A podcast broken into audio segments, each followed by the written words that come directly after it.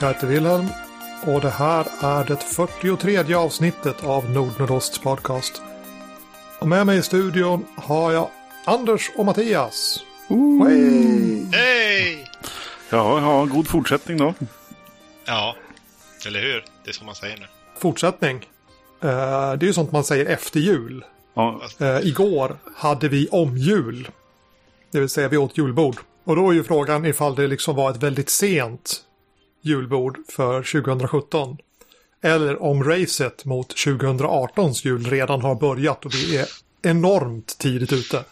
jag hoppas på sen. Eller, det, det är ju som samma mat som påsk. Det är kanske är en tidig påsk bara. Nej, nej, nej, nej, nej. Påskmaten är sushi i Göteborg, för då är det Gothcon.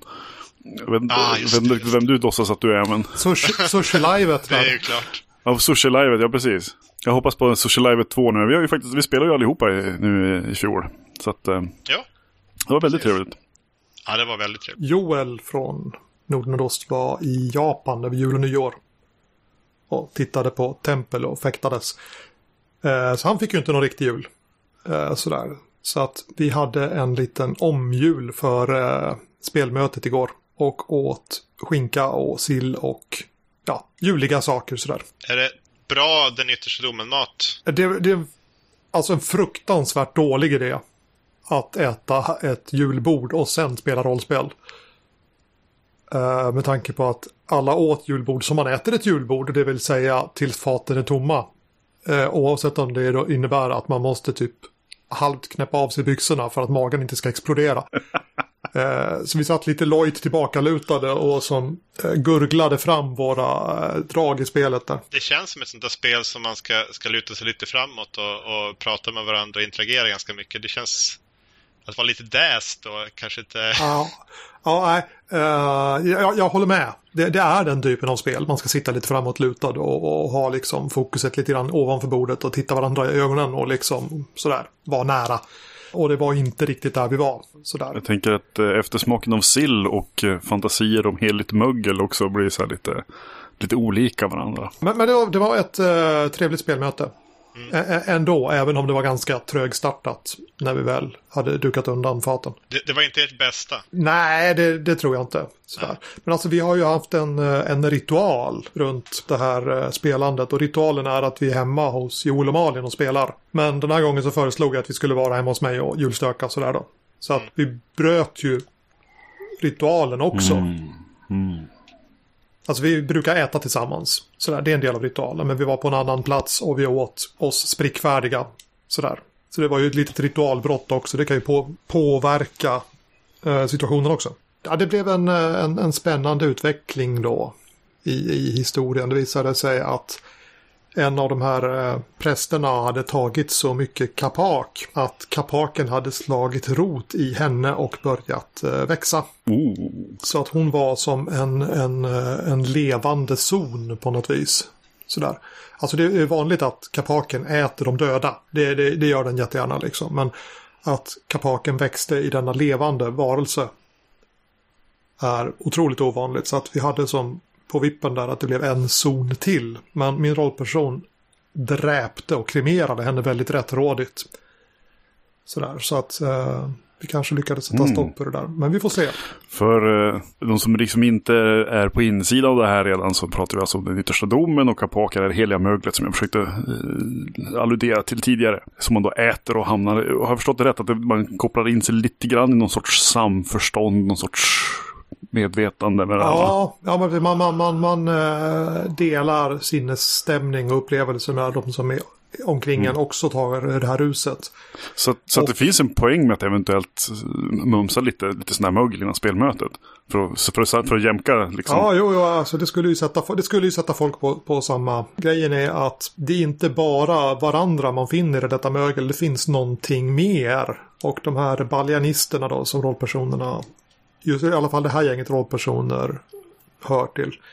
De menar att det faktiskt är Gud som finns tillsammans med en i detta rus. Så att det är, en, det är ett heligt sakrament att ta den här kapaken. Och det gör ju att ett eh, knarkförbud blir lite känsligt. Mhm. Sådär.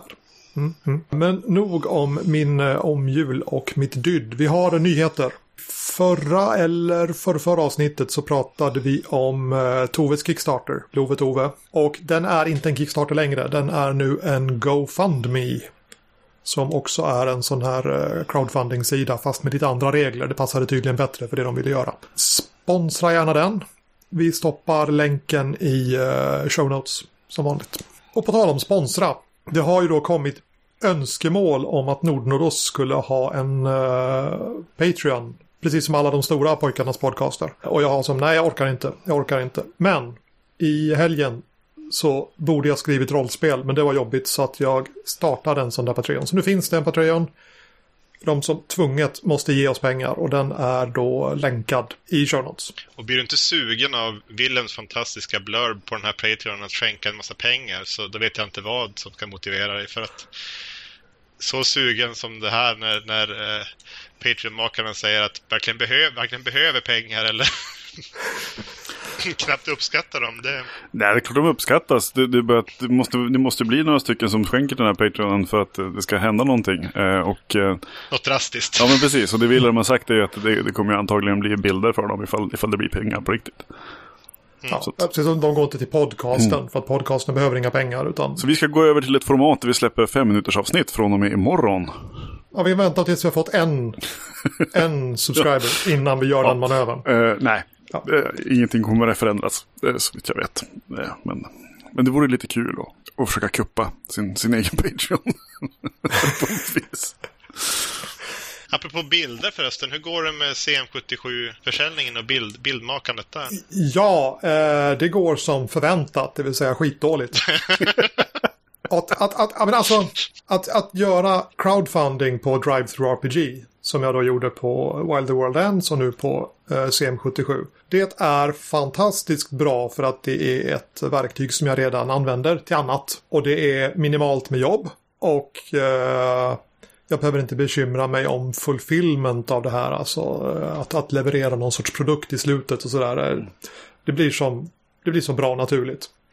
Nackdelen är att folk inte är så pepp på i allmänhet. Ni som har eh, backat, eh, beröm och applåd för er. Men det är ett ganska konstigt sätt. Folk är inte vana vid att crowdfunda saker genom den sidan. Man vill helst göra det genom uh, Kickstarter. Och då ska det finnas sådana exklusiva nivåer där man då får... T-shirten! Böcker, jo. T-shirten och boken som är bunden i spelmakarens uh, kött och sådär liksom. Det ska vara liksom unika, specifika artefakter. Och det ids jag inte med. Hundra sidor extra eh, om uh, äventyr och, och uh, cyberimplantat. Jag, jag tror att jag skulle kunna erbjuda det. Uh, nu sista dagarna har det kommit in en kille som heter Jonny i uh, projektgruppen och han är aspepp på cyber och bara spottar ur sig. Coolt. Fantastiskt. Coolt. Dock jag försöker hålla sidantalet drägligt så jag har fått bromsa in hans entusiasm något. Vi se ifall han kan rikta den åt någonting som är Nej, lite mer akut behov i boken. Börja, börja sikta mot Tekno 77-modellen, modulen.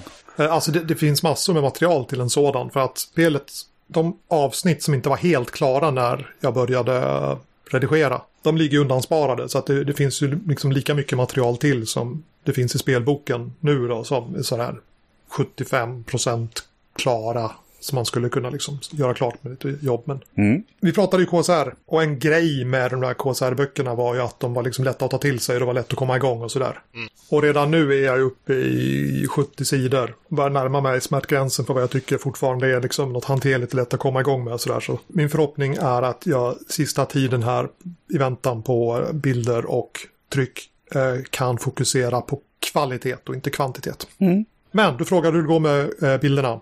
Och de generösa backarna har då bidragit med en bild till. Och den är beställd och Elisabeth har börjat eh, fundera på hur hon ska eh, göra klart min då framtidsvision. Spännande. Och det kan ju komma med som tips till er som sitter hemma och gör era egna rollspel och ni ska inte rita själva utan ni ska ha någon annan att rita. Då finns det, jag har testat två olika sätt att göra spelböcker och det första sättet var att jag pitchade mitt spel och sen så sa jag du kan väl rita lite coola bilder som gör det här.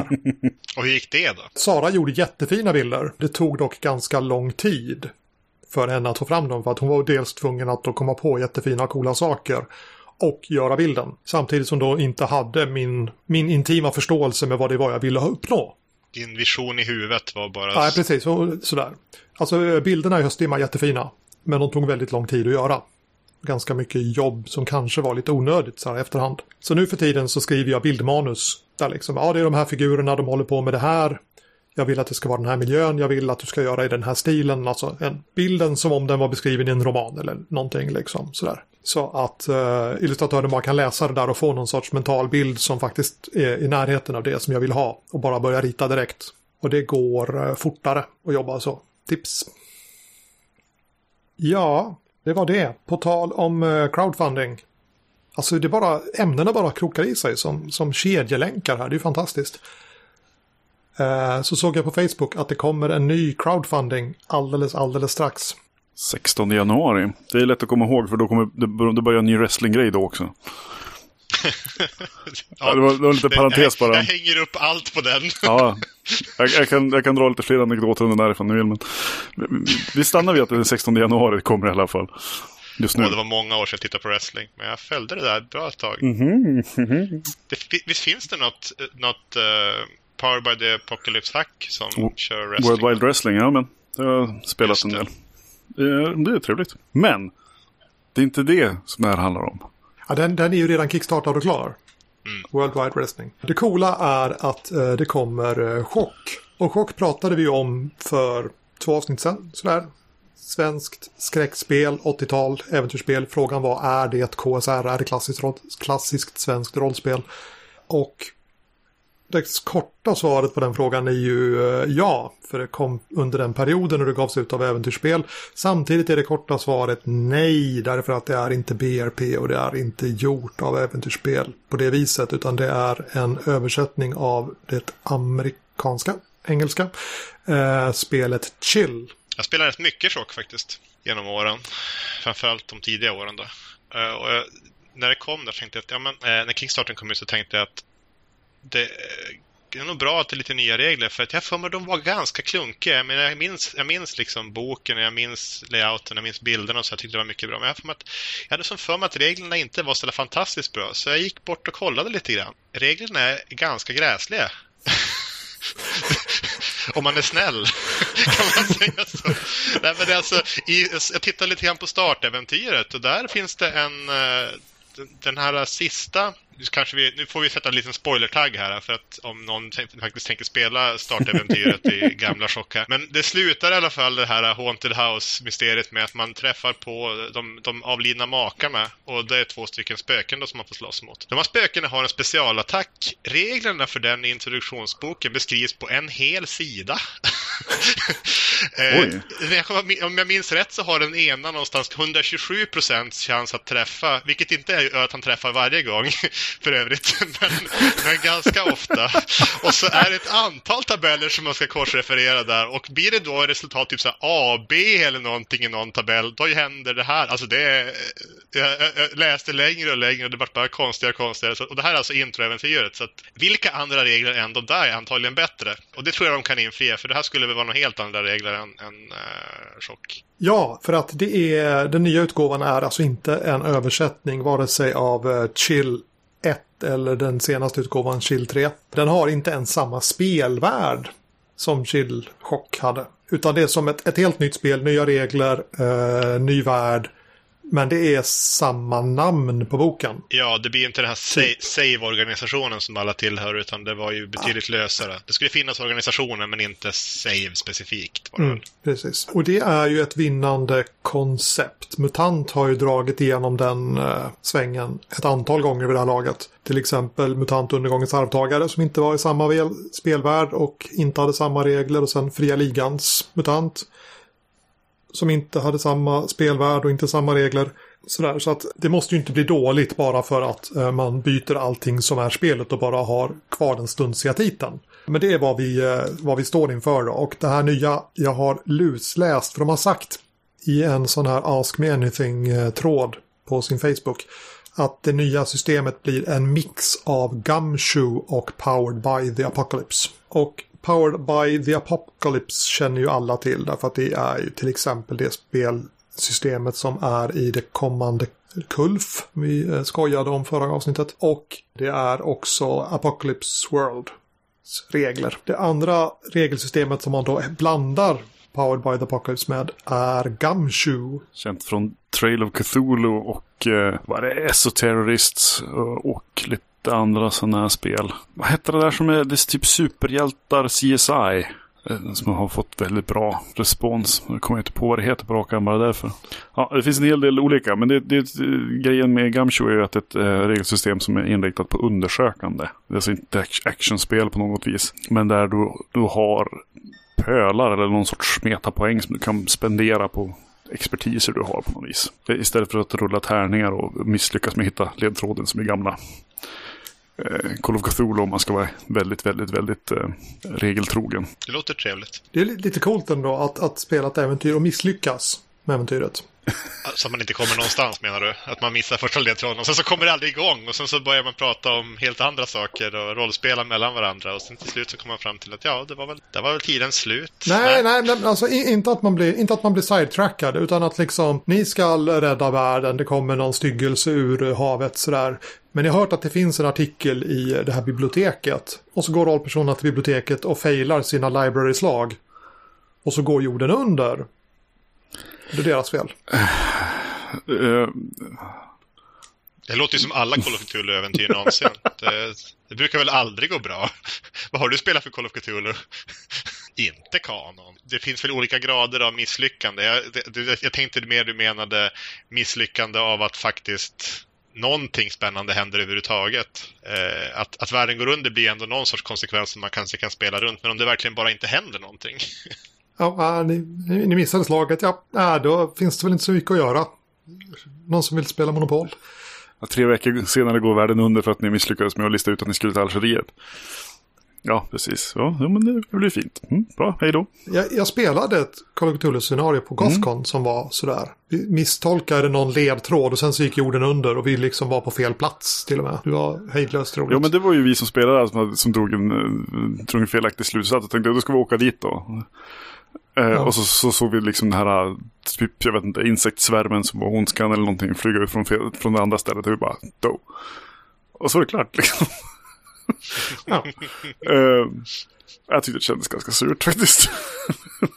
och, och, och, det är väl som lite problemet egentligen då. Eh, som man väl försöker lösa på lite olika sätt. Eller inte erkänner beroende på vilken spelstil man har. Men skall rollpersonernas historier sluta lyckligt i slutändan? Sådär. Lyckligt är ett sånt bedrägligt ord. Ja, men... Alltså det jag tror det mer handlar om tillfredsställelse hos spelare och spelledare att det faktiskt blev någonting som var intressant, slash minnesvärt, slash underhållande, slash Ja, alltså någonting bakom sista slashen där också. Inte bara att det inte blev ingenting. Det här var meningslös tid från alla inblandade. Det har man ju haft någon gång också. Man kände så att ja, det här, det här, vi hade lika gärna kunnat spela Monopol. Det hade antagligen varit roligare. Det är ju ett misslyckande. Att världen går under behöver ju inte nödvändigtvis vara ett misslyckande. Om det är, ja, men alltså, om, om det är episkt, om vi, liksom känner, om, vi, om vi känner med rollpersonerna och det är ett meningsfullt ögonblick att se sammolnet vid horisonten liksom. Ja, Mm, ja, jag förstår.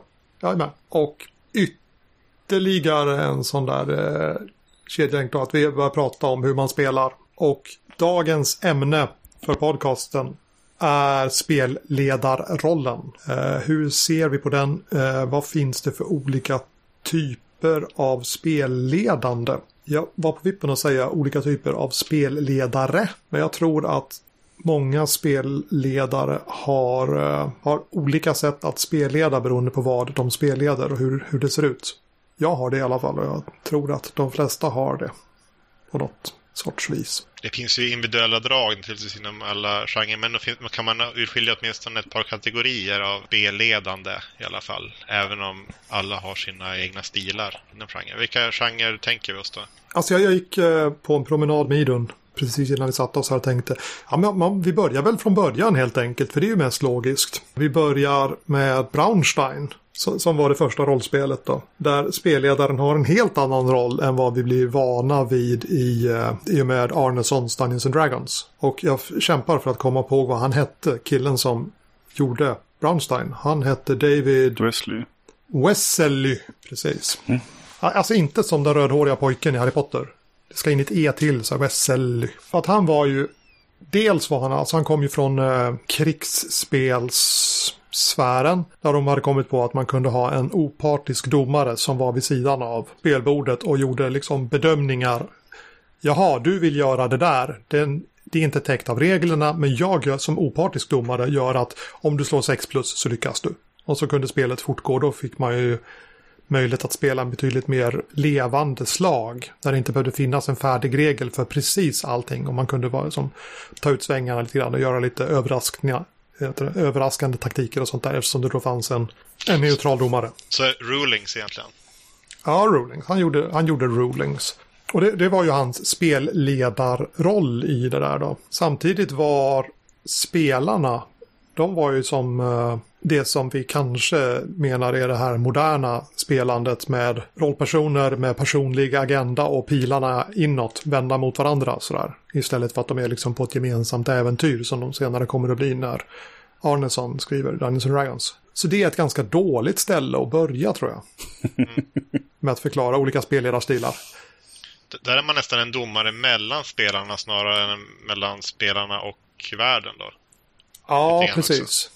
Precis. Och om, om vi då går handlingen lite grann i förväg, när vi börjar prata om Joel och hans yttersta domen, där har ju spelledaren två olika uppdrag egentligen. Och det ena av de uppdraget är just att vara detta, den här spelar, eh, domaren mellan spelarna. Men om vi då går till till det vidare begreppet då, eh, vi pratar eh, Dungeons and Dragons och därmed liknande spel med spelledaren som stereotypt sett som en opartisk domare som, ja, han har sin dungeon, det finns monster och det finns skatter och det finns ett gäng äventyrare som ska ner där.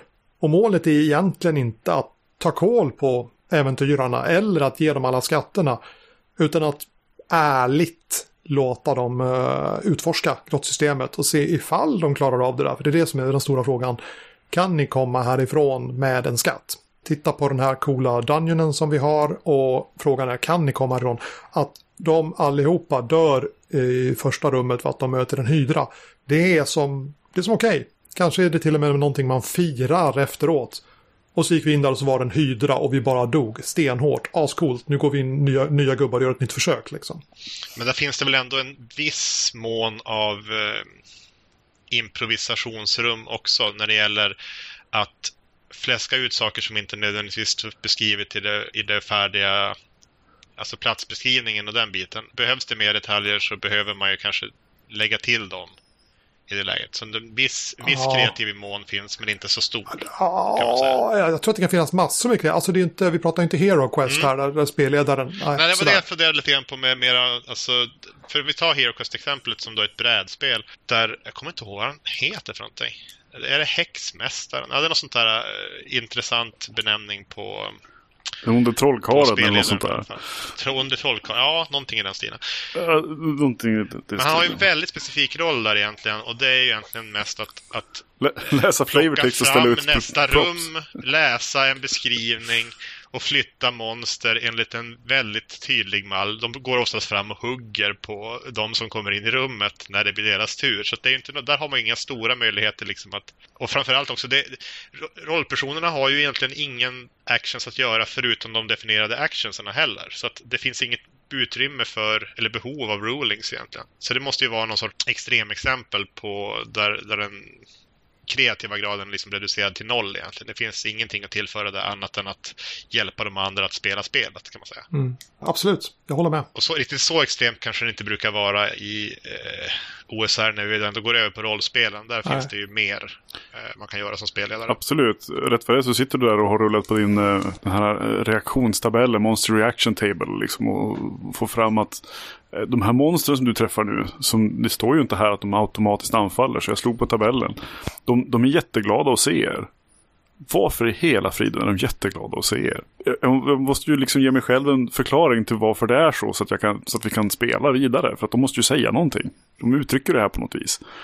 Och vips så blir, faller det på mig som spelledare då att, att gestalta det här på något vis. Bara sy ihop det. Och så kanske uppstår det ett litet frö där och så får jag improvisera någonting. Och, och fortsätter det här i, i kampanjform, ja men då kommer ju det där växa på sig till någonting som jag kanske inte hade tänkt mig från början. Och så får man ju bara se var det hamnar någonstans. Det är lite mer organisk liksom, improvisationsstil på något vis. Jag tycker att den där grejen är stört skön.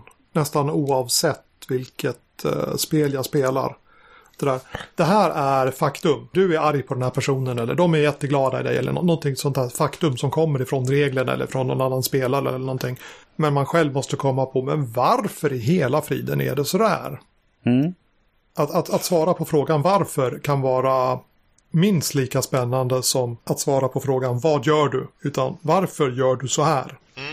Ha, har jag märkt. Och det, det, är lite ovanligt. Vi ser inte i, i, i traditionella rollspelet så ser vi inte så ofta den typen av frågor. Därför att man har uh, rollpersonens integritet men det som spelarens integritet. Att det inte är där man ska vara och diskutera. Utan man ska ställa frågan vad gör du? Vad händer härnäst liksom? Mm. Men uh, det är coolt. Eller det kan hända väldigt coola saker när man istället vänder på frågan och säger men varför gör du så här?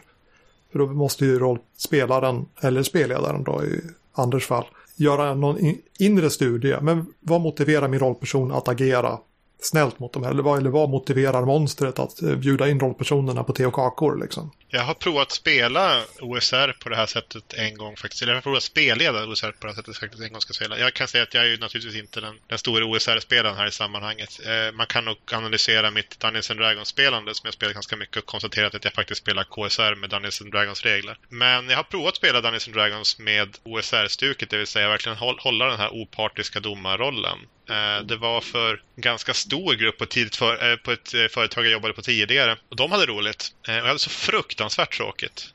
Eh, det, det var bland det, det, det, det tråkigaste jag gjort som, som spelledare. Eh, just eftersom att, eh, ja, jag, jag satt egentligen bara där och var domare egentligen. Vi spelade något av de här introäventyren till Dungeons Dragons 3.5. Det var inte Standing Spire från trean utan det var någon av de andra, något med Goblins och Eh, den här biten. Det finns säkert någon, någon intelligent lyssnare som kan lista ut vilket det var. Men, eh, och det var ju lite, lite hysteriskt roliga saker som hände naturligtvis. Till exempel att den första attacken i, i eh, spelomgången orsak var en krit med en, någon sorts hacka som gjorde igång i fyra eller någonting när, när den krittade. Så den rollpersonen var ju död direkt på första slaget. Eh, och det var massa nybörjare runt bordet och de bara, stora ögon bara, jaha. var roligt att spela rollspel. Men sen fortsatte vi efter det här. Då blev det lite roligare förutom den personen ändå som, som, som gick och jobbade istället eller någonting annat. ja, jag höll på att säga bara om 3.5 då kan du inte ha haft någon, någon ordentlig old school-upplevelse med det. Men eh, sen började det ganska bra ändå. det började bra. ja, det, det är ju samma sak som om du hade haft 4 HP och blev slagen med, med en T6 i alla fall. Liksom, och tog, tog ja. död, liksom. Men jag tänker mig att, eh, nu har inte jag tittat så noga på de där tidiga äventyren där. Men 3.5 mot OSR blir ju ganska ganska annorlunda för den här old, old school-varianten är mer det här finns i rummet och så, och så måste spelarna gå dit och säga jag gör det här och då, då måste man ha en dialog med varandra på ett annat vis. Än den här, eh, ja men jag letar efter fällor, rull, jag lyckas, vad hittar jag? Eh, det blir en lite, det blir en annan typ av, av uppgifter man sköter som opartisk spelledare liksom ändå. Inte riktigt lika involverad som, som i, i ett OSR-spel så kommer du ändå behöva lite gestalta den informationen på ett vis också, eller förmedla den på ett lite annat vis kanske. Menar du att det finns mindre beskrivet eller menar du att det är... Det är, ja det är min, det, dels är det ju mindre beskrivet, men, men sen så du, du har ju ingen rulla, rulla för att hitta grejen färdighet i, i regel i typ sånt där. Eh, i, och för sig, I och för sig så kanske du har, har de här regeluppsättningarga som där eh, alver automatiskt hittar gömda dörrar de går förbi på 1-4 på en T6 liksom. Mm. Eh, och det är också någonting att förhålla sig till och sitta bara, ja just det, det är en hemlig dörr bara rull bara, ja de upptäcker den. Ja du känner ett vinddrag alven. det måste finnas en hemlig dörr här. Helt plötsligt. Jag, jag, kan inte komma ihåg om jag har gjort det där. Jag tror att det kanske har hänt något i ett äventyr jag har spelat någon gång. Jag, att jag var tvungen att förhålla mig till det där faktiskt. Spelet, eh, att det dök upp. Det är, en, det är en fine line där mellan eh, typ eh, rasförmågor och rasism kan man säga. Det är, liksom, det är verkligen, det är verkligen eh, extremt. Det är väl då man har, har alv som yrke också va? I första Ja, eh, precis. I, i, I, väldigt tidigt i DND och sen när man slår in på basic DND-spåret istället för advanced Dungeons and Dragons-spåret. Eh, mm. Där finns ju själva det här konceptet race as class. Alltså, jag, jag, har, jag är inte en alvkrigare utan jag är alv. Punkt. Det, det, här är min klass. Jag är alv. Eh, du är cleric, alltså är du, är du väl människa då. Eh, du är dvärg, ja men då är du dvärg. Och så är det, och så är det, det liksom. Eh, I Advanced så, så separeras liksom att du är dvärg och krigare. Eh, så du kan vara dvärg och, och präst istället. Och det är lite lurigt det där. Eh, eh, för det blir ju... Jag vet, jag vet inte, jag, det är någonting jag uppskattar väldigt mycket med den där Races Class-grejen. Eh, samtidigt så, så som du säger, det, det blir ganska konstigt. Och tittar man på det med någon sorts eh, någon sorts breda liksom, representationsögon, då blir det ju jätte, jättekonstigt. Eh, det blir... Jag vet inte riktigt vad det är. Samtidigt så... så jag har inte riktigt satt sitt fingrarna på var, var det, varför jag tycker att det funkar. Liksom. Ja, det, det, jag skulle gissa att det är en sak man kan gå och grubbla på länge, helt enkelt. Men du som ändå är inbiten OSR-spelledare då, om vi ska, ska sluta prata rasism och prata spelledarrollen igen. Va, vad är det som lockar med OSR-spelledandet då? Det är, ni kör ju grottröj och utveckla den biten. Precis. Eh, för mig var det ju det att, eh, jag har ju dragit den här storyn i, i något tidigare avsnitt för inte så länge sedan, att, att jag brände ut mig lite grann på spelledarna. Eh, och då spelade vi mycket, spelade, i spelade höstdimma och Star Wars och sånt där på konvent. Eh, och hade en väldigt matiné-äventyrsstil. Där det väldigt mycket levererar underhållning till spelare. Och det, det, hade ingen, det är ingen fråga vart vi ska. Vi, ska. vi ska uppnå det här. Målet är en bra film. Liksom. Det ska vara häftigt äventyr. Eh, men det kändes bara som jobb. Så att när jag kom in på OSR så, eh, så anledningen att det klaffade och klickade för min del och bara shit det här är ju ascoolt. Det var ju det att jag behöver inte ha ett slut. Eh, utan, utan jag sitter här och spelar spelet på, nästan lika mycket som ni gör. För, jag, för jag vet inte heller vad som ska hända så att säga. På det, på det, på det viset liksom. Och de gamla äventyren är inte skrivna så att, så att det finns en boss. Liksom. Det finns ingen förfärdig story. Det finns ett, det finns ett grottsystem och ni går som ni vill. Och det, det är inte nödvändigtvis så att vägen ni tar leder fram till, till ett slutgiltigt möte. Liksom. Jag tror att 3.5-modulerna är mycket mer skrivna så att det inte kanske finns en boss på slutet. För att det, det blir lite dramatiskt på något vis. Ja, de, de, de är ju det är fortfarande platsbeskrivningar, men det finns väl en ofta, i alla fall de jag sett en ganska tydlig röd tråd i vad man är ute efter och var man kommer att sluta och man vet, man vet när, så att säga, när grottan är slut. Det är inte helt, det är ganska uppenbart att det, det var det här vi var ute efter. Vi hade ett tydligt mål när vi gick ner och vi kan uppfylla det. Ja, men precis. säga. Lite mer sådär. Medan ett old school-äventyr, ett turneringsmodul till, till, till eh, Dungeons Dragons från tidigt 80-tal. Om vi tittar på en sån grej istället för en, en turneringsmodul idag, ifall man skulle ha ett äventyr på ett konvent och många ska spela samma. Då är det mycket mer sannolikt att det helt plötsligt finns en hemlig dörr i, i sista skattkammaren till där den riktiga skatten är. Riktigt så taskiga är man inte idag, utan så nu är det lite mer, du får, du får, du ser för att det ska, vara- det ska vara mer, det ska vara mer biofilm liksom, än, än faktiskt Indiana Eh, som du som spelare måste lösa. Sen är jag, jag är ganska förtjust i det här, eh, de här gamla reglerna och deras quirkiness. Liksom. De, de här ras som klass är ju en grej, eh, reaktionsslagen för att se vem tycker vad här nu egentligen. De grejerna. Det finns någonting någonstans i någon, jag kommer inte ihåg vad det är, ifall det är havsdrak eller hav, någon havsmonster i någon DND, i något monsterkapitel. Där man liksom, ja det är så här stor chans att de är hungriga. Det är en ganska liten chans. Stöter ni på den här till havs så kommer den antagligen inte anfalla er. Men du, du är frågan då, hur, hur reagerar spelare på att det kommer ett monster? Oj shit, ett monster där borta. Shit, vi måste försvara oss. det är min fördom om vad de kommer att göra liksom. Eh, men det finns lite sådana här saker runt omkring det där som jag tycker är ganska, ganska skojigt. Att som spelledare där, även när man sitter och peppar och gör sin egen dungeon och sånt där, så kan man ju lägga in sånt där och se, eh, lägga in sådana här osäkerheter så att även jag kan få bli lite överraskad när, när de kommer dit och se vad som händer liksom. Eh. Men det, det låter lite grann som, om vi ska glida in lite grann på, på, på nästa bit, vilket antagligen då är KSR klassiskt svenskt rollspel. Då.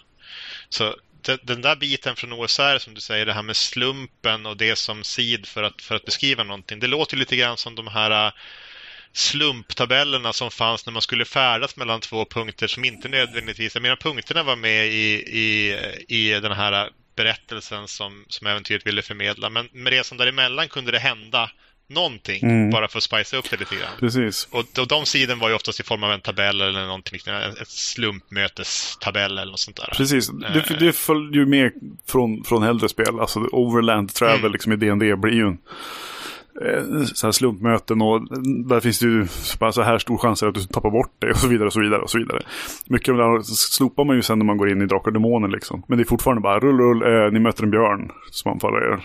Eller rull rull, det kommer banditer. Men lite grann av finessen varför det här är roligt kanske föll bort. För jag tycker mest man hör liksom stories om hur slumpmöten kanske inte var så roliga och bra i DND, eller i Drakar Måner då. För att då fanns det en story helt plötsligt förstörd om någonting istället. Det är inte en del i mm. det som är rollpersonernas värld, utan det, det, är en, det är ett konstigt element i, i en annars halvtydlig historia. Liksom. Det, är en, det är en fnurra på tråden istället för en, en, liten, en liten ögla i broderiet liksom, som ska vara en grej. Liksom. Ja, den saken blev ju aldrig lika spännande som själva huvudarken oftast, utan det, det var ju oftast någonting som kändes lite utfyllnad. Medan liksom om du bara har slumptabeller eller du har mera öppet vad som kommer att hända och vad som är, vad som är viktigt och inte, då, då kanske det där slumpslaget är precis lika intressant som de andra bitarna som händer. Och det är en tragedi att man, man ger sig ut för att spela äventyret och sen så fastnar spelled, eller spelarna i eh, en diskussion med den där köpmannen som dök upp som gubben i lådan på en slumptabell. Mm. Och, och som bara, men eh, det, här, det finns ju orcher i skogen, vi följer med dig dit du ska, vi, vi, vi blir dina vakter nu liksom. Och så går man liksom, förlorar äventyret för att slumptabellen ledde iväg oss från det vi var där för att göra. I alla fall där var spelledaren var där för att göra. För att spela det här äventyret, berätta en historia och bjuda på en upplevelse. Och, och, spelarna missförstod och tänkte att ja, men det är den här köpmannen som vi träffar. Han måste ju vara viktig. Vi, vi, vi ser vart hans story leder liksom. Bjuda på en upplevelse var fint. Är det en bra sammanfattning av vad KSL-spelledaren vill uppnå? Ja, alltså om vi tittar på Wilhelm som spelledare på sena 80-talet sådär. Så tror jag inte att jag skulle beskriva det på det viset. Jag är här för att bjuda på en upplevelse, utan vi ska spela ett äventyr. Och det här med att äventyret ska ge spelarna någonting visst sådär konkret och det ska vara tempo och alla ska vara delaktiga. Alltså alla de här andra sakerna, det kom ju senare. Men jag tror att om jag hade varit en så analytisk människa då som jag är nu så hade det kanske varit målbilden, idealet och äventyren som, som såldes var ju liksom det. Ja men det, det, det finns en, äventyret är en roman eller en, en film beskriven för någon sorts slumpmässigt gäng luffare som ska då ha viktiga möten, se viktiga platser, dra ordentliga slutsatser och göra någon sorts slutgiltig konfrontation. Och sen efteråt få, få beröm och medaljer för att de har klarat äventyret. Och det är liksom den upplevelsen man är ute efter. Vi, vi, vi spelade Svavelvinter. Vi var med om berättelsen som är Svavelvinter. Mm. Men det där är ganska spännande just. Man kan, man kan ju fundera lite grann på vad spelledaren får ut av, av de här bitarna också. Alltså vad är, vad är motivationen till att man faktiskt sätter sig ner och spelleda? I början var det ju mest att det är roligt att spela rollspel. Och någon måste spelleda. eh, någon tar på sig hatten och sen har de den, den några år. För att nyrekryteringen går trögt inom gruppen. Eh, när folk inser hur mycket jobb det är. Men personligen så, så ju fler år jag spelade desto mer tydligt blev det vad jag uppskattade med själva spelledarrollen. Och det var ju inte riktigt när det gäller att spela liksom traddbiten, att spela, leda någon annans äventyr. Utan det var ju att spelleda eh, mina egna historier. Alltså delar av det som, som var spännande och intressant var ju att komma på plottar kanske inte nödvändigtvis knyta ihop dem helt och hållet, men tillräckligt mycket liksom intressanta idéer som man kunde stöta och blöta för att det skulle kunna bli en historia av det. Och sen introducera rollpersonerna och se hur spelarna vart spelarna tog det där någonstans. Alltså den biten var, var spännande. Att däremot ta till exempel en kampanj som var redan skriven eller läsa på någonting som, så att man kunde det lika bra som, som eh, ens eget material. Det är ju väldigt mycket jobb. Och jag insåg att det, det var nog inte riktigt det som jag tyckte var behållningen för mig. För det är ganska mycket textmassa att läsa för att kunna till exempel en kampanj som Masks of Nyarlathotep. Den här klassiska Call of kampanjen som är fantastisk för övrigt. Eh, och jag har börjat spela, jag tror jag spelade kanske, spelade kanske fem, sex sessioner i den. Den tar för övrigt ungefär en till två år att spela realtid ungefär för de flesta grupper. Så det är ju en, en liten sak och det är, den är ganska komplicerad för spelledaren också så man måste verkligen lägga en del tid på att, på att läsa in sig på den. Men den var ändå så pass välskriven så det, den hade jag nog kunnat tänka mig att lägga det, det, det krutet på. Men många andra rollspelsscenarion eller kampanjer orkar man ju kanske inte riktigt sätta sig in i på det sättet och, och har någon större behållning av egentligen jag gjorde ju mitt eget material som så testade att köpa ett äventyr. Mm. Uh, det var Y5 till MUTANT. Uh, det var aliens. Och, och, och, det färgade mig liksom på det viset. Alltså, andra människors äventyr suger. Och det här var ändå det äventyr du sa var ett av de bättre förra gången. Ja, gjorde jag det? Ja. ja. Uh, jag kanske inte var helt sanningsenlig där. men alltså, vad, vad, vet jag? Jag har inte läst så himla många äventyr. Andra människors saker suger, grovt sett. Eller i alla fall eh, är det som du säger, det är en tröskel att ta sig in i dem och sätta sig in i liksom den, i hela idén. Det räcker ju inte bara att förstå platserna, man måste också förstå var, varför är de här platserna viktiga? Var, liksom, vad är den riktiga historia som äventyrsförfattaren vill förmedla med det här? Problemet blir lite grann att även en så pass gedigen kampanj till exempel som Masks of Nyarlathotep, den har ju luckor ändå. Alltså den är fantastiskt välskriven och det finns dessutom minst lika mycket fanmaterial runt omkring om man, om man vill, vill spelleda den någon gång så kan jag varmt rekommendera det. Där det finns liksom texten utlagd på, det finns några böcker beskrivna, vad är det för böcker egentligen? Jo, här är böckerna. Vi har skrivit dem ungefär, eller gjort utdrag från dem. Här finns det mer händelser du kan ge till spelarna. Hur var det med den här grejen? Det är inte riktigt förklarat. Jo, jo, men det har vi skrivit tre artiklar om i, i den här kompendiet. Så det finns otroligt mycket material där. Och trots detta så finns det fortfarande luckor som du som spelledare måste fylla in eller rollpersonerna gör någonting som som är oväntat. Men för att du ska kunna improvisera på ett sätt som bara inte fullständigt derailar hela den här kampanjen och ni märker det liksom tre månader realtid senare, då måste du ändå ha en viss grundförståelse för liksom hur plot arcsen hänger ihop och hur du, kan, hur du kan knyta ihop det så du inte slutar med en sörja som du inte kan få ihop din spelupplevelse. Och det är den där förstudien där som är ganska mycket jobb för ganska lite payoff, tycker jag åtminstone personligen. Ja, jag konstaterar det. Jag, jag, jag, kan skriva ett äventyr som jag, jag kommer att tycka är bra. På en bråkdel av tiden det tar att läsa någon annans äventyr och sätta mig in i det där. Det finns det här äventyret jag pratat om det tidigare, Ett hjärta av stål, Titras by. Och det har jag ju kört säkert tio gånger.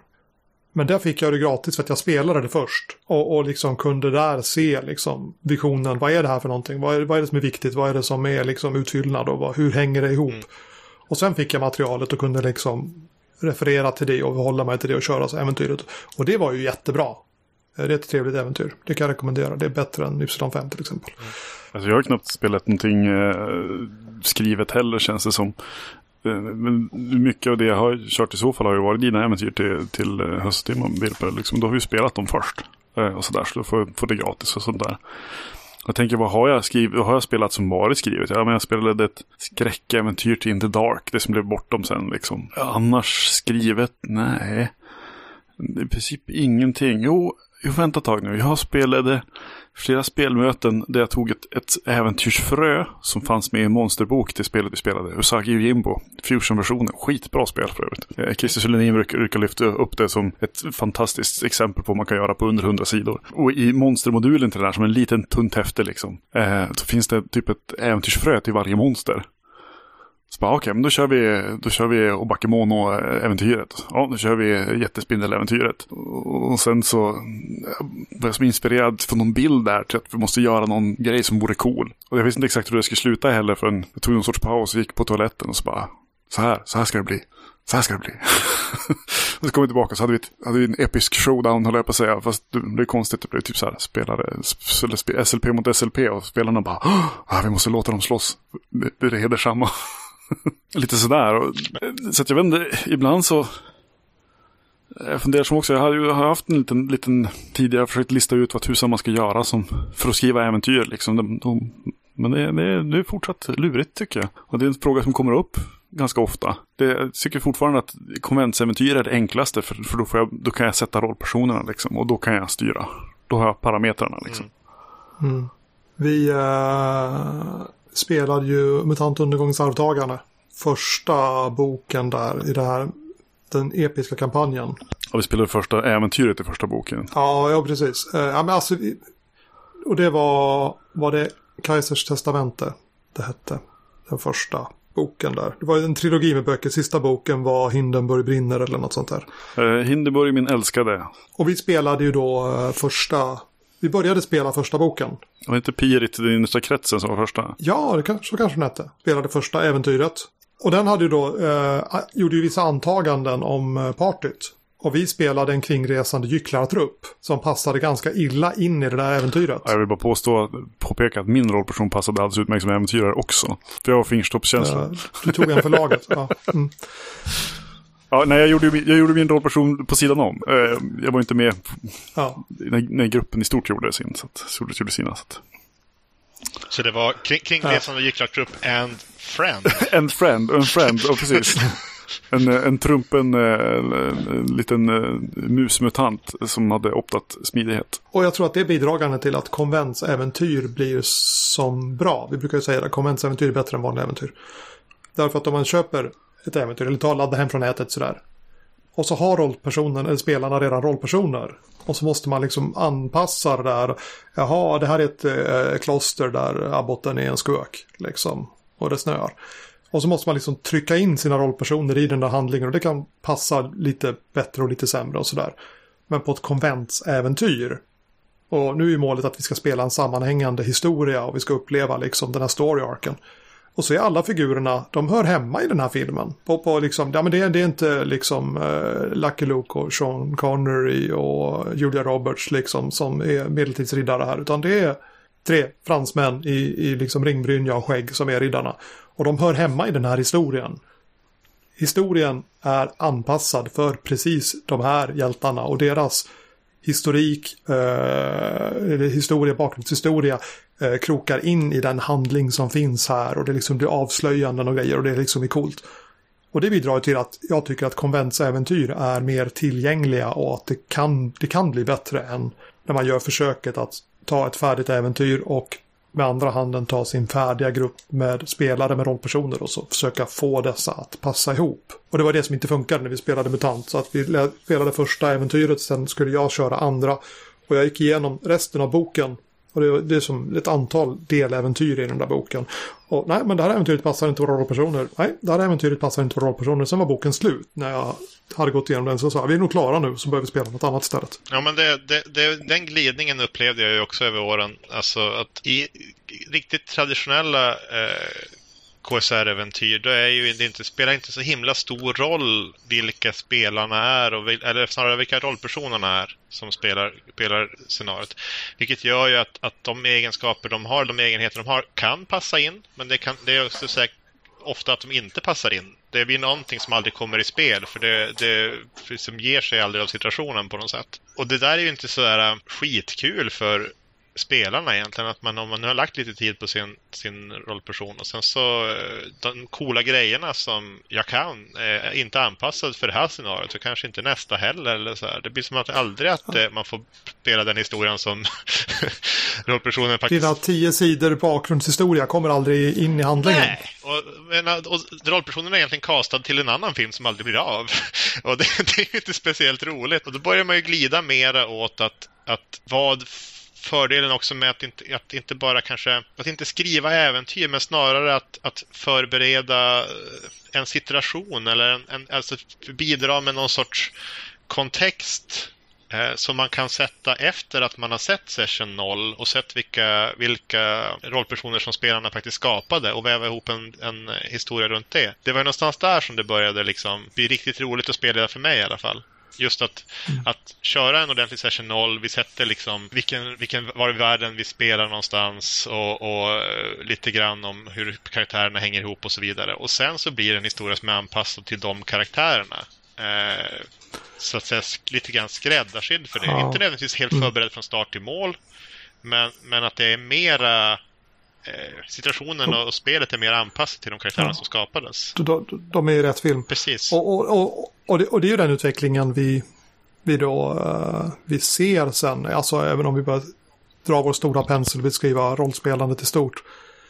Med den nya tidens rollspel. Alltså så som vi spelar idag på något vis. Så som vi spelade Vampire. Att ja, men det, det är rollpersonerna och deras agendor som är handlingen. Och det blir ju det extremfallet liksom. Ja, men du, ni har era färdiga rollpersoner. Vad säger de? Vad är deras handlingar? Vad har de för story arcs? Vad är det som rör sig hos dem? Och utifrån det så bygger spelledaren en historia. Mm. Och då är ju spelledarens roll mera att se till att reagera på, på vad, vad spelarna gör.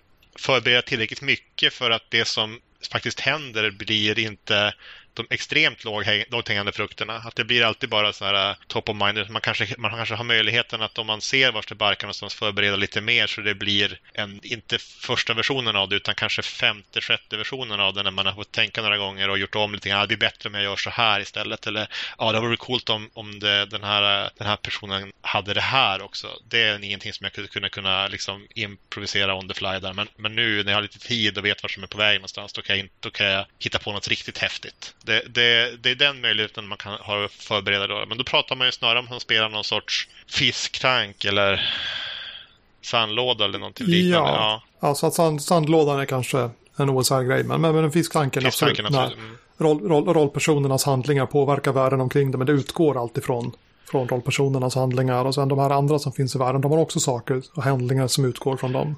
Och det är mer att man, man det, det, man skapar där är ju mer av att man dels sätter en klocka så att det faktiskt blir ett tempo i spelet. Att man, man hjälper till liksom att även om det inte händer någonting så, så, och rollpersonerna driver så hårt så kan även världen driva lite grann åt dem. De behöver inte komma på med, med alla arcsen egentligen utan det kan även finnas arcs som de kan, som de kan liksom bara som svävar förbi och de kan haka på. Det, då blir man mer en temposättare som, som, eh, som spelledare. Eh, och även att det här eh, lite immersion, det vill säga att, att världen faktiskt rullar. Alltså vi pratar Shenmue eller eh, liksom något, något av de här klassiska banbrytande dataspelen där om du inte gjorde någonting så, så gick ändå spelledarpersonerna och ja, gick till jobbet och de eh, lagade mat hemma och de hade, hände, hände saker och tre dagar senare så hände det här om du, även om du inte hade gjort någonting och så vidare. Alltså det fanns ändå en intern klocka i världen som rullade även om, om spelaren eh, i det fallet då stod stilla så att säga. Det är en immersion-teknik egentligen för att känna att det inte bara eh,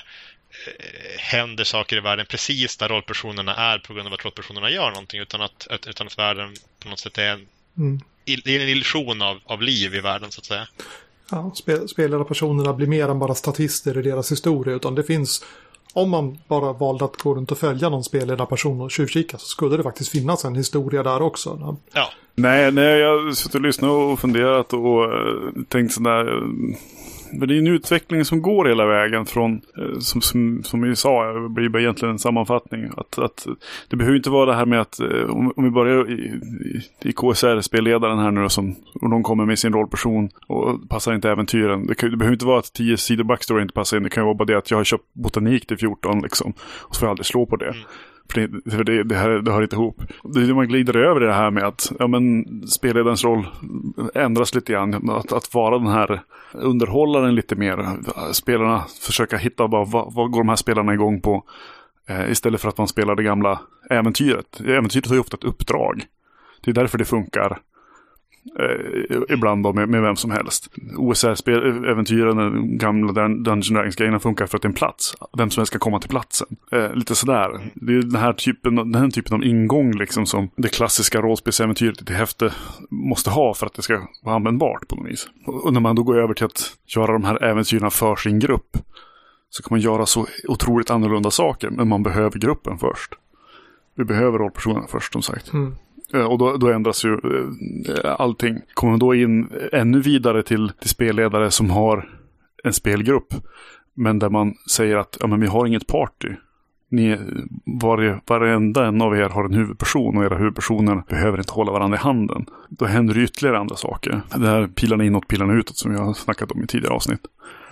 Mm. Vart, vart, är liksom, vart är vi riktade mot? Vad, vad är i fokus? Och då backar man ju lite grann tillbaka till att när spelarna börjar driva så mycket spel, som till exempel då i den yttersta domen, så blir ju spelledaren återigen går tillbaka till att vara lite mer den här opartiska domaren och hjälpa till att låta spelarna agera mot eller med varandra. Så man, cirkeln sluts ju lite grann där. Ja, jag skulle säga att om jag tittar på så som Joel spelade den yttersta domen så är det dels ett typ halv, halv moment av att vara den här opartiska domaren. Och Jo, det blir framförallt när rollpersonerna vänder sig mot varandra. Men om det blir lugn och stilla så vänder sig världen mot rollpersonerna och då blir det liksom det lite mer klassiska spelledandet att titta, men den här rollpersonen var vad, vad är dess story arc och hur ska jag liksom buffa för att det ska bli en spännande historia? Som att den här äh, prästen blev en, äh, började växa knark inuti liksom. Ha, hade vi vänt våra roller mer intensivt mot varandra i början på spelmötet och, och jagat varandra och liksom sådär. Då hade det kanske aldrig hänt. Men alla sa, ja men vi går väl och tittar på torget ifall det är någonting som händer. Mm. Och då liksom, ja men då har vi ju som sagt, vi är inte intresserade av att, av att bråka med varandra just nu. Vi vill se, har, har du någon story här eller? Och ja, naturligtvis så fanns det ju någon story. Ja men det växer knark i prästen, vad ska ni göra åt det då? Men det kommer temposättaren, eller regissören eller vad jag ska säga. Det, man, man måste liksom, regissören bestämmer ju inte vad vi ska göra men man måste injicera någonting här för att, för att vi ska ha någonting att spela omkring liksom. Precis, och det, och det blir ju mera av en att förändra situationen så pass mycket så att spelet kommer igång igen eller någonting liknande. Alltså introducera ett, Mm. ett hot, en, en klocka, eh, ett tempo, en förändring av situationen runt omkring som, som också kan påverka karaktärernas attityd till varandra till exempel. Att ja, nu, nu tar vattnet slut eller någonting liknande. Det, det blir liksom allvar på något sätt. Det som var lu- lugnt och fredfullt för en liten stund sedan kanske nu ställs på sin, spets igen. I viss eh, rollspelslingo pratar vi om en bomb. Eh, det, det, det händer någonting som man måste reagera på.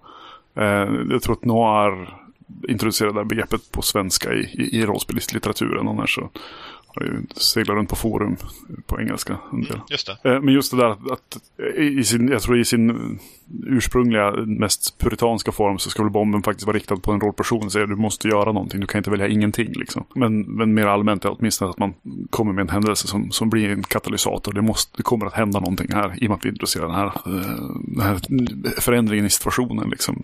Eh, Ja, men att det började spruta knark ur den här prästen, det var ju som ett, en, en tydlig Ja. bomb. Eh, därför att det, det- måste man agera på. Att, att välja att inte agera, det är också ett val. Mm. Eftersom, ja då, då kommer folk att börja knarka ordentligt här. Och det kan ju ha spännande effekter när man är på en rymdstation liksom. Och vill man sätta stopp för det, ja då måste man ju verkligen agera. Det är också ett aktivt val. Ska man undanhålla de här människorna det heliga knarket? Alltså jag tror att vi skulle kunna fortsätta prata om det här ganska länge. Men vi närmar oss en eh, timme inspelat material. Du menar att vi inte lyckades avhandla hela spelledarrollen på en timme alltså? Även spelledarrollen behöver nog eh, en, hel podcast. Så är det nog. Eh, har vi någonting vi vill som eh, säga innan vi börjar runda av det här? Nej. Äh, Bra radio. Ska, ska vi ta någonting av de här sista punkterna eller ska vi? Fenix-nomineringar kanske är lämpliga. För att återknyta till var vi eh, började. Dagens avsnitt med Toves GoFundMe-sida.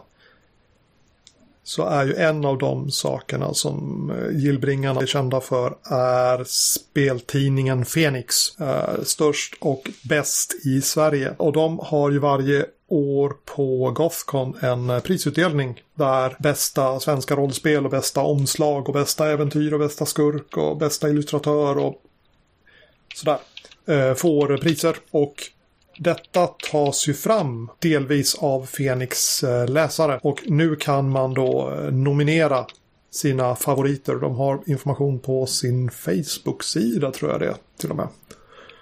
Hittar jag informationen om det där så länkar vi det i show notes. De är i alla fall intresserade av att höra vad ni tycker var bäst inom hobbyn 2017. Alltså rätt mycket att välja på, kan jag. Ja, alltså eh, det finns massor med saker som har hänt och dessutom det finns ganska många kategorier. Antalet kategorier har verkligen exploderat. Det är som eh, simning nu för tiden. Det är otroligt många grenar man kan tävla i. Inte för att vi är så partiska, men har ni någon personlig favorit från året? Eh, är det att vi ska sätta pengar på vad som vinner? Om vi ska, ja, vi ska Eh, då, då, då, satsa. har jag, då har jag mina gissningar rent statistiskt sett så har ju ett eh, stort svenskt eh, rollspelsföretag eh, en väldigt hängiven fanskara. Och det börjar med ett moment där domarna nominerar vilka som är värdiga att möjligen vinna där och sen så får läsarna rösta. Och du pratar inte Wilhelm Games eller? Jag tror aldrig jag har varit med i diskussionerna ens. Jag har ju som mest gjort saker på engelska sådär. Och inte promotat dem så seriöst i Sverige. Så att jag tror inte att eh, Wilhelms Games är någon stor favorit inför årets utmaning. Pro- Probably not. alltså, ja, nej. Men det skulle ju vara förödande för din indie-cred om du råkade vinna någonting sånt här, så att det kanske är lika bra. Ja, nej, det är, det är bättre att sitta på utsidan. Alltså, eh, vi pratar ju om det här på jobbet. Att eh, vi ska inte förankra saker genom att, att, att, att säga ja men det finns många bra eh, spelföretag. Blå Lyktan till exempel är ett jävligt bra spelföretag. Ni kan ju fundera på det där. Men det, det, dit hän vill jag väl inte gå. Sådär. Eh, men det är på gång i alla fall. Så har ni någonting som ni tycker att domarna borde fundera på ifall det här är möjligen Sveriges bästa inom ja, nästan precis vilken kategori som helst har med hobbyn att göra. För det var en, säkert 30 olika kategorier. Eh, så kontakta domarna så. Så. Eh, igen och så hörs vi igen om kanske en månad.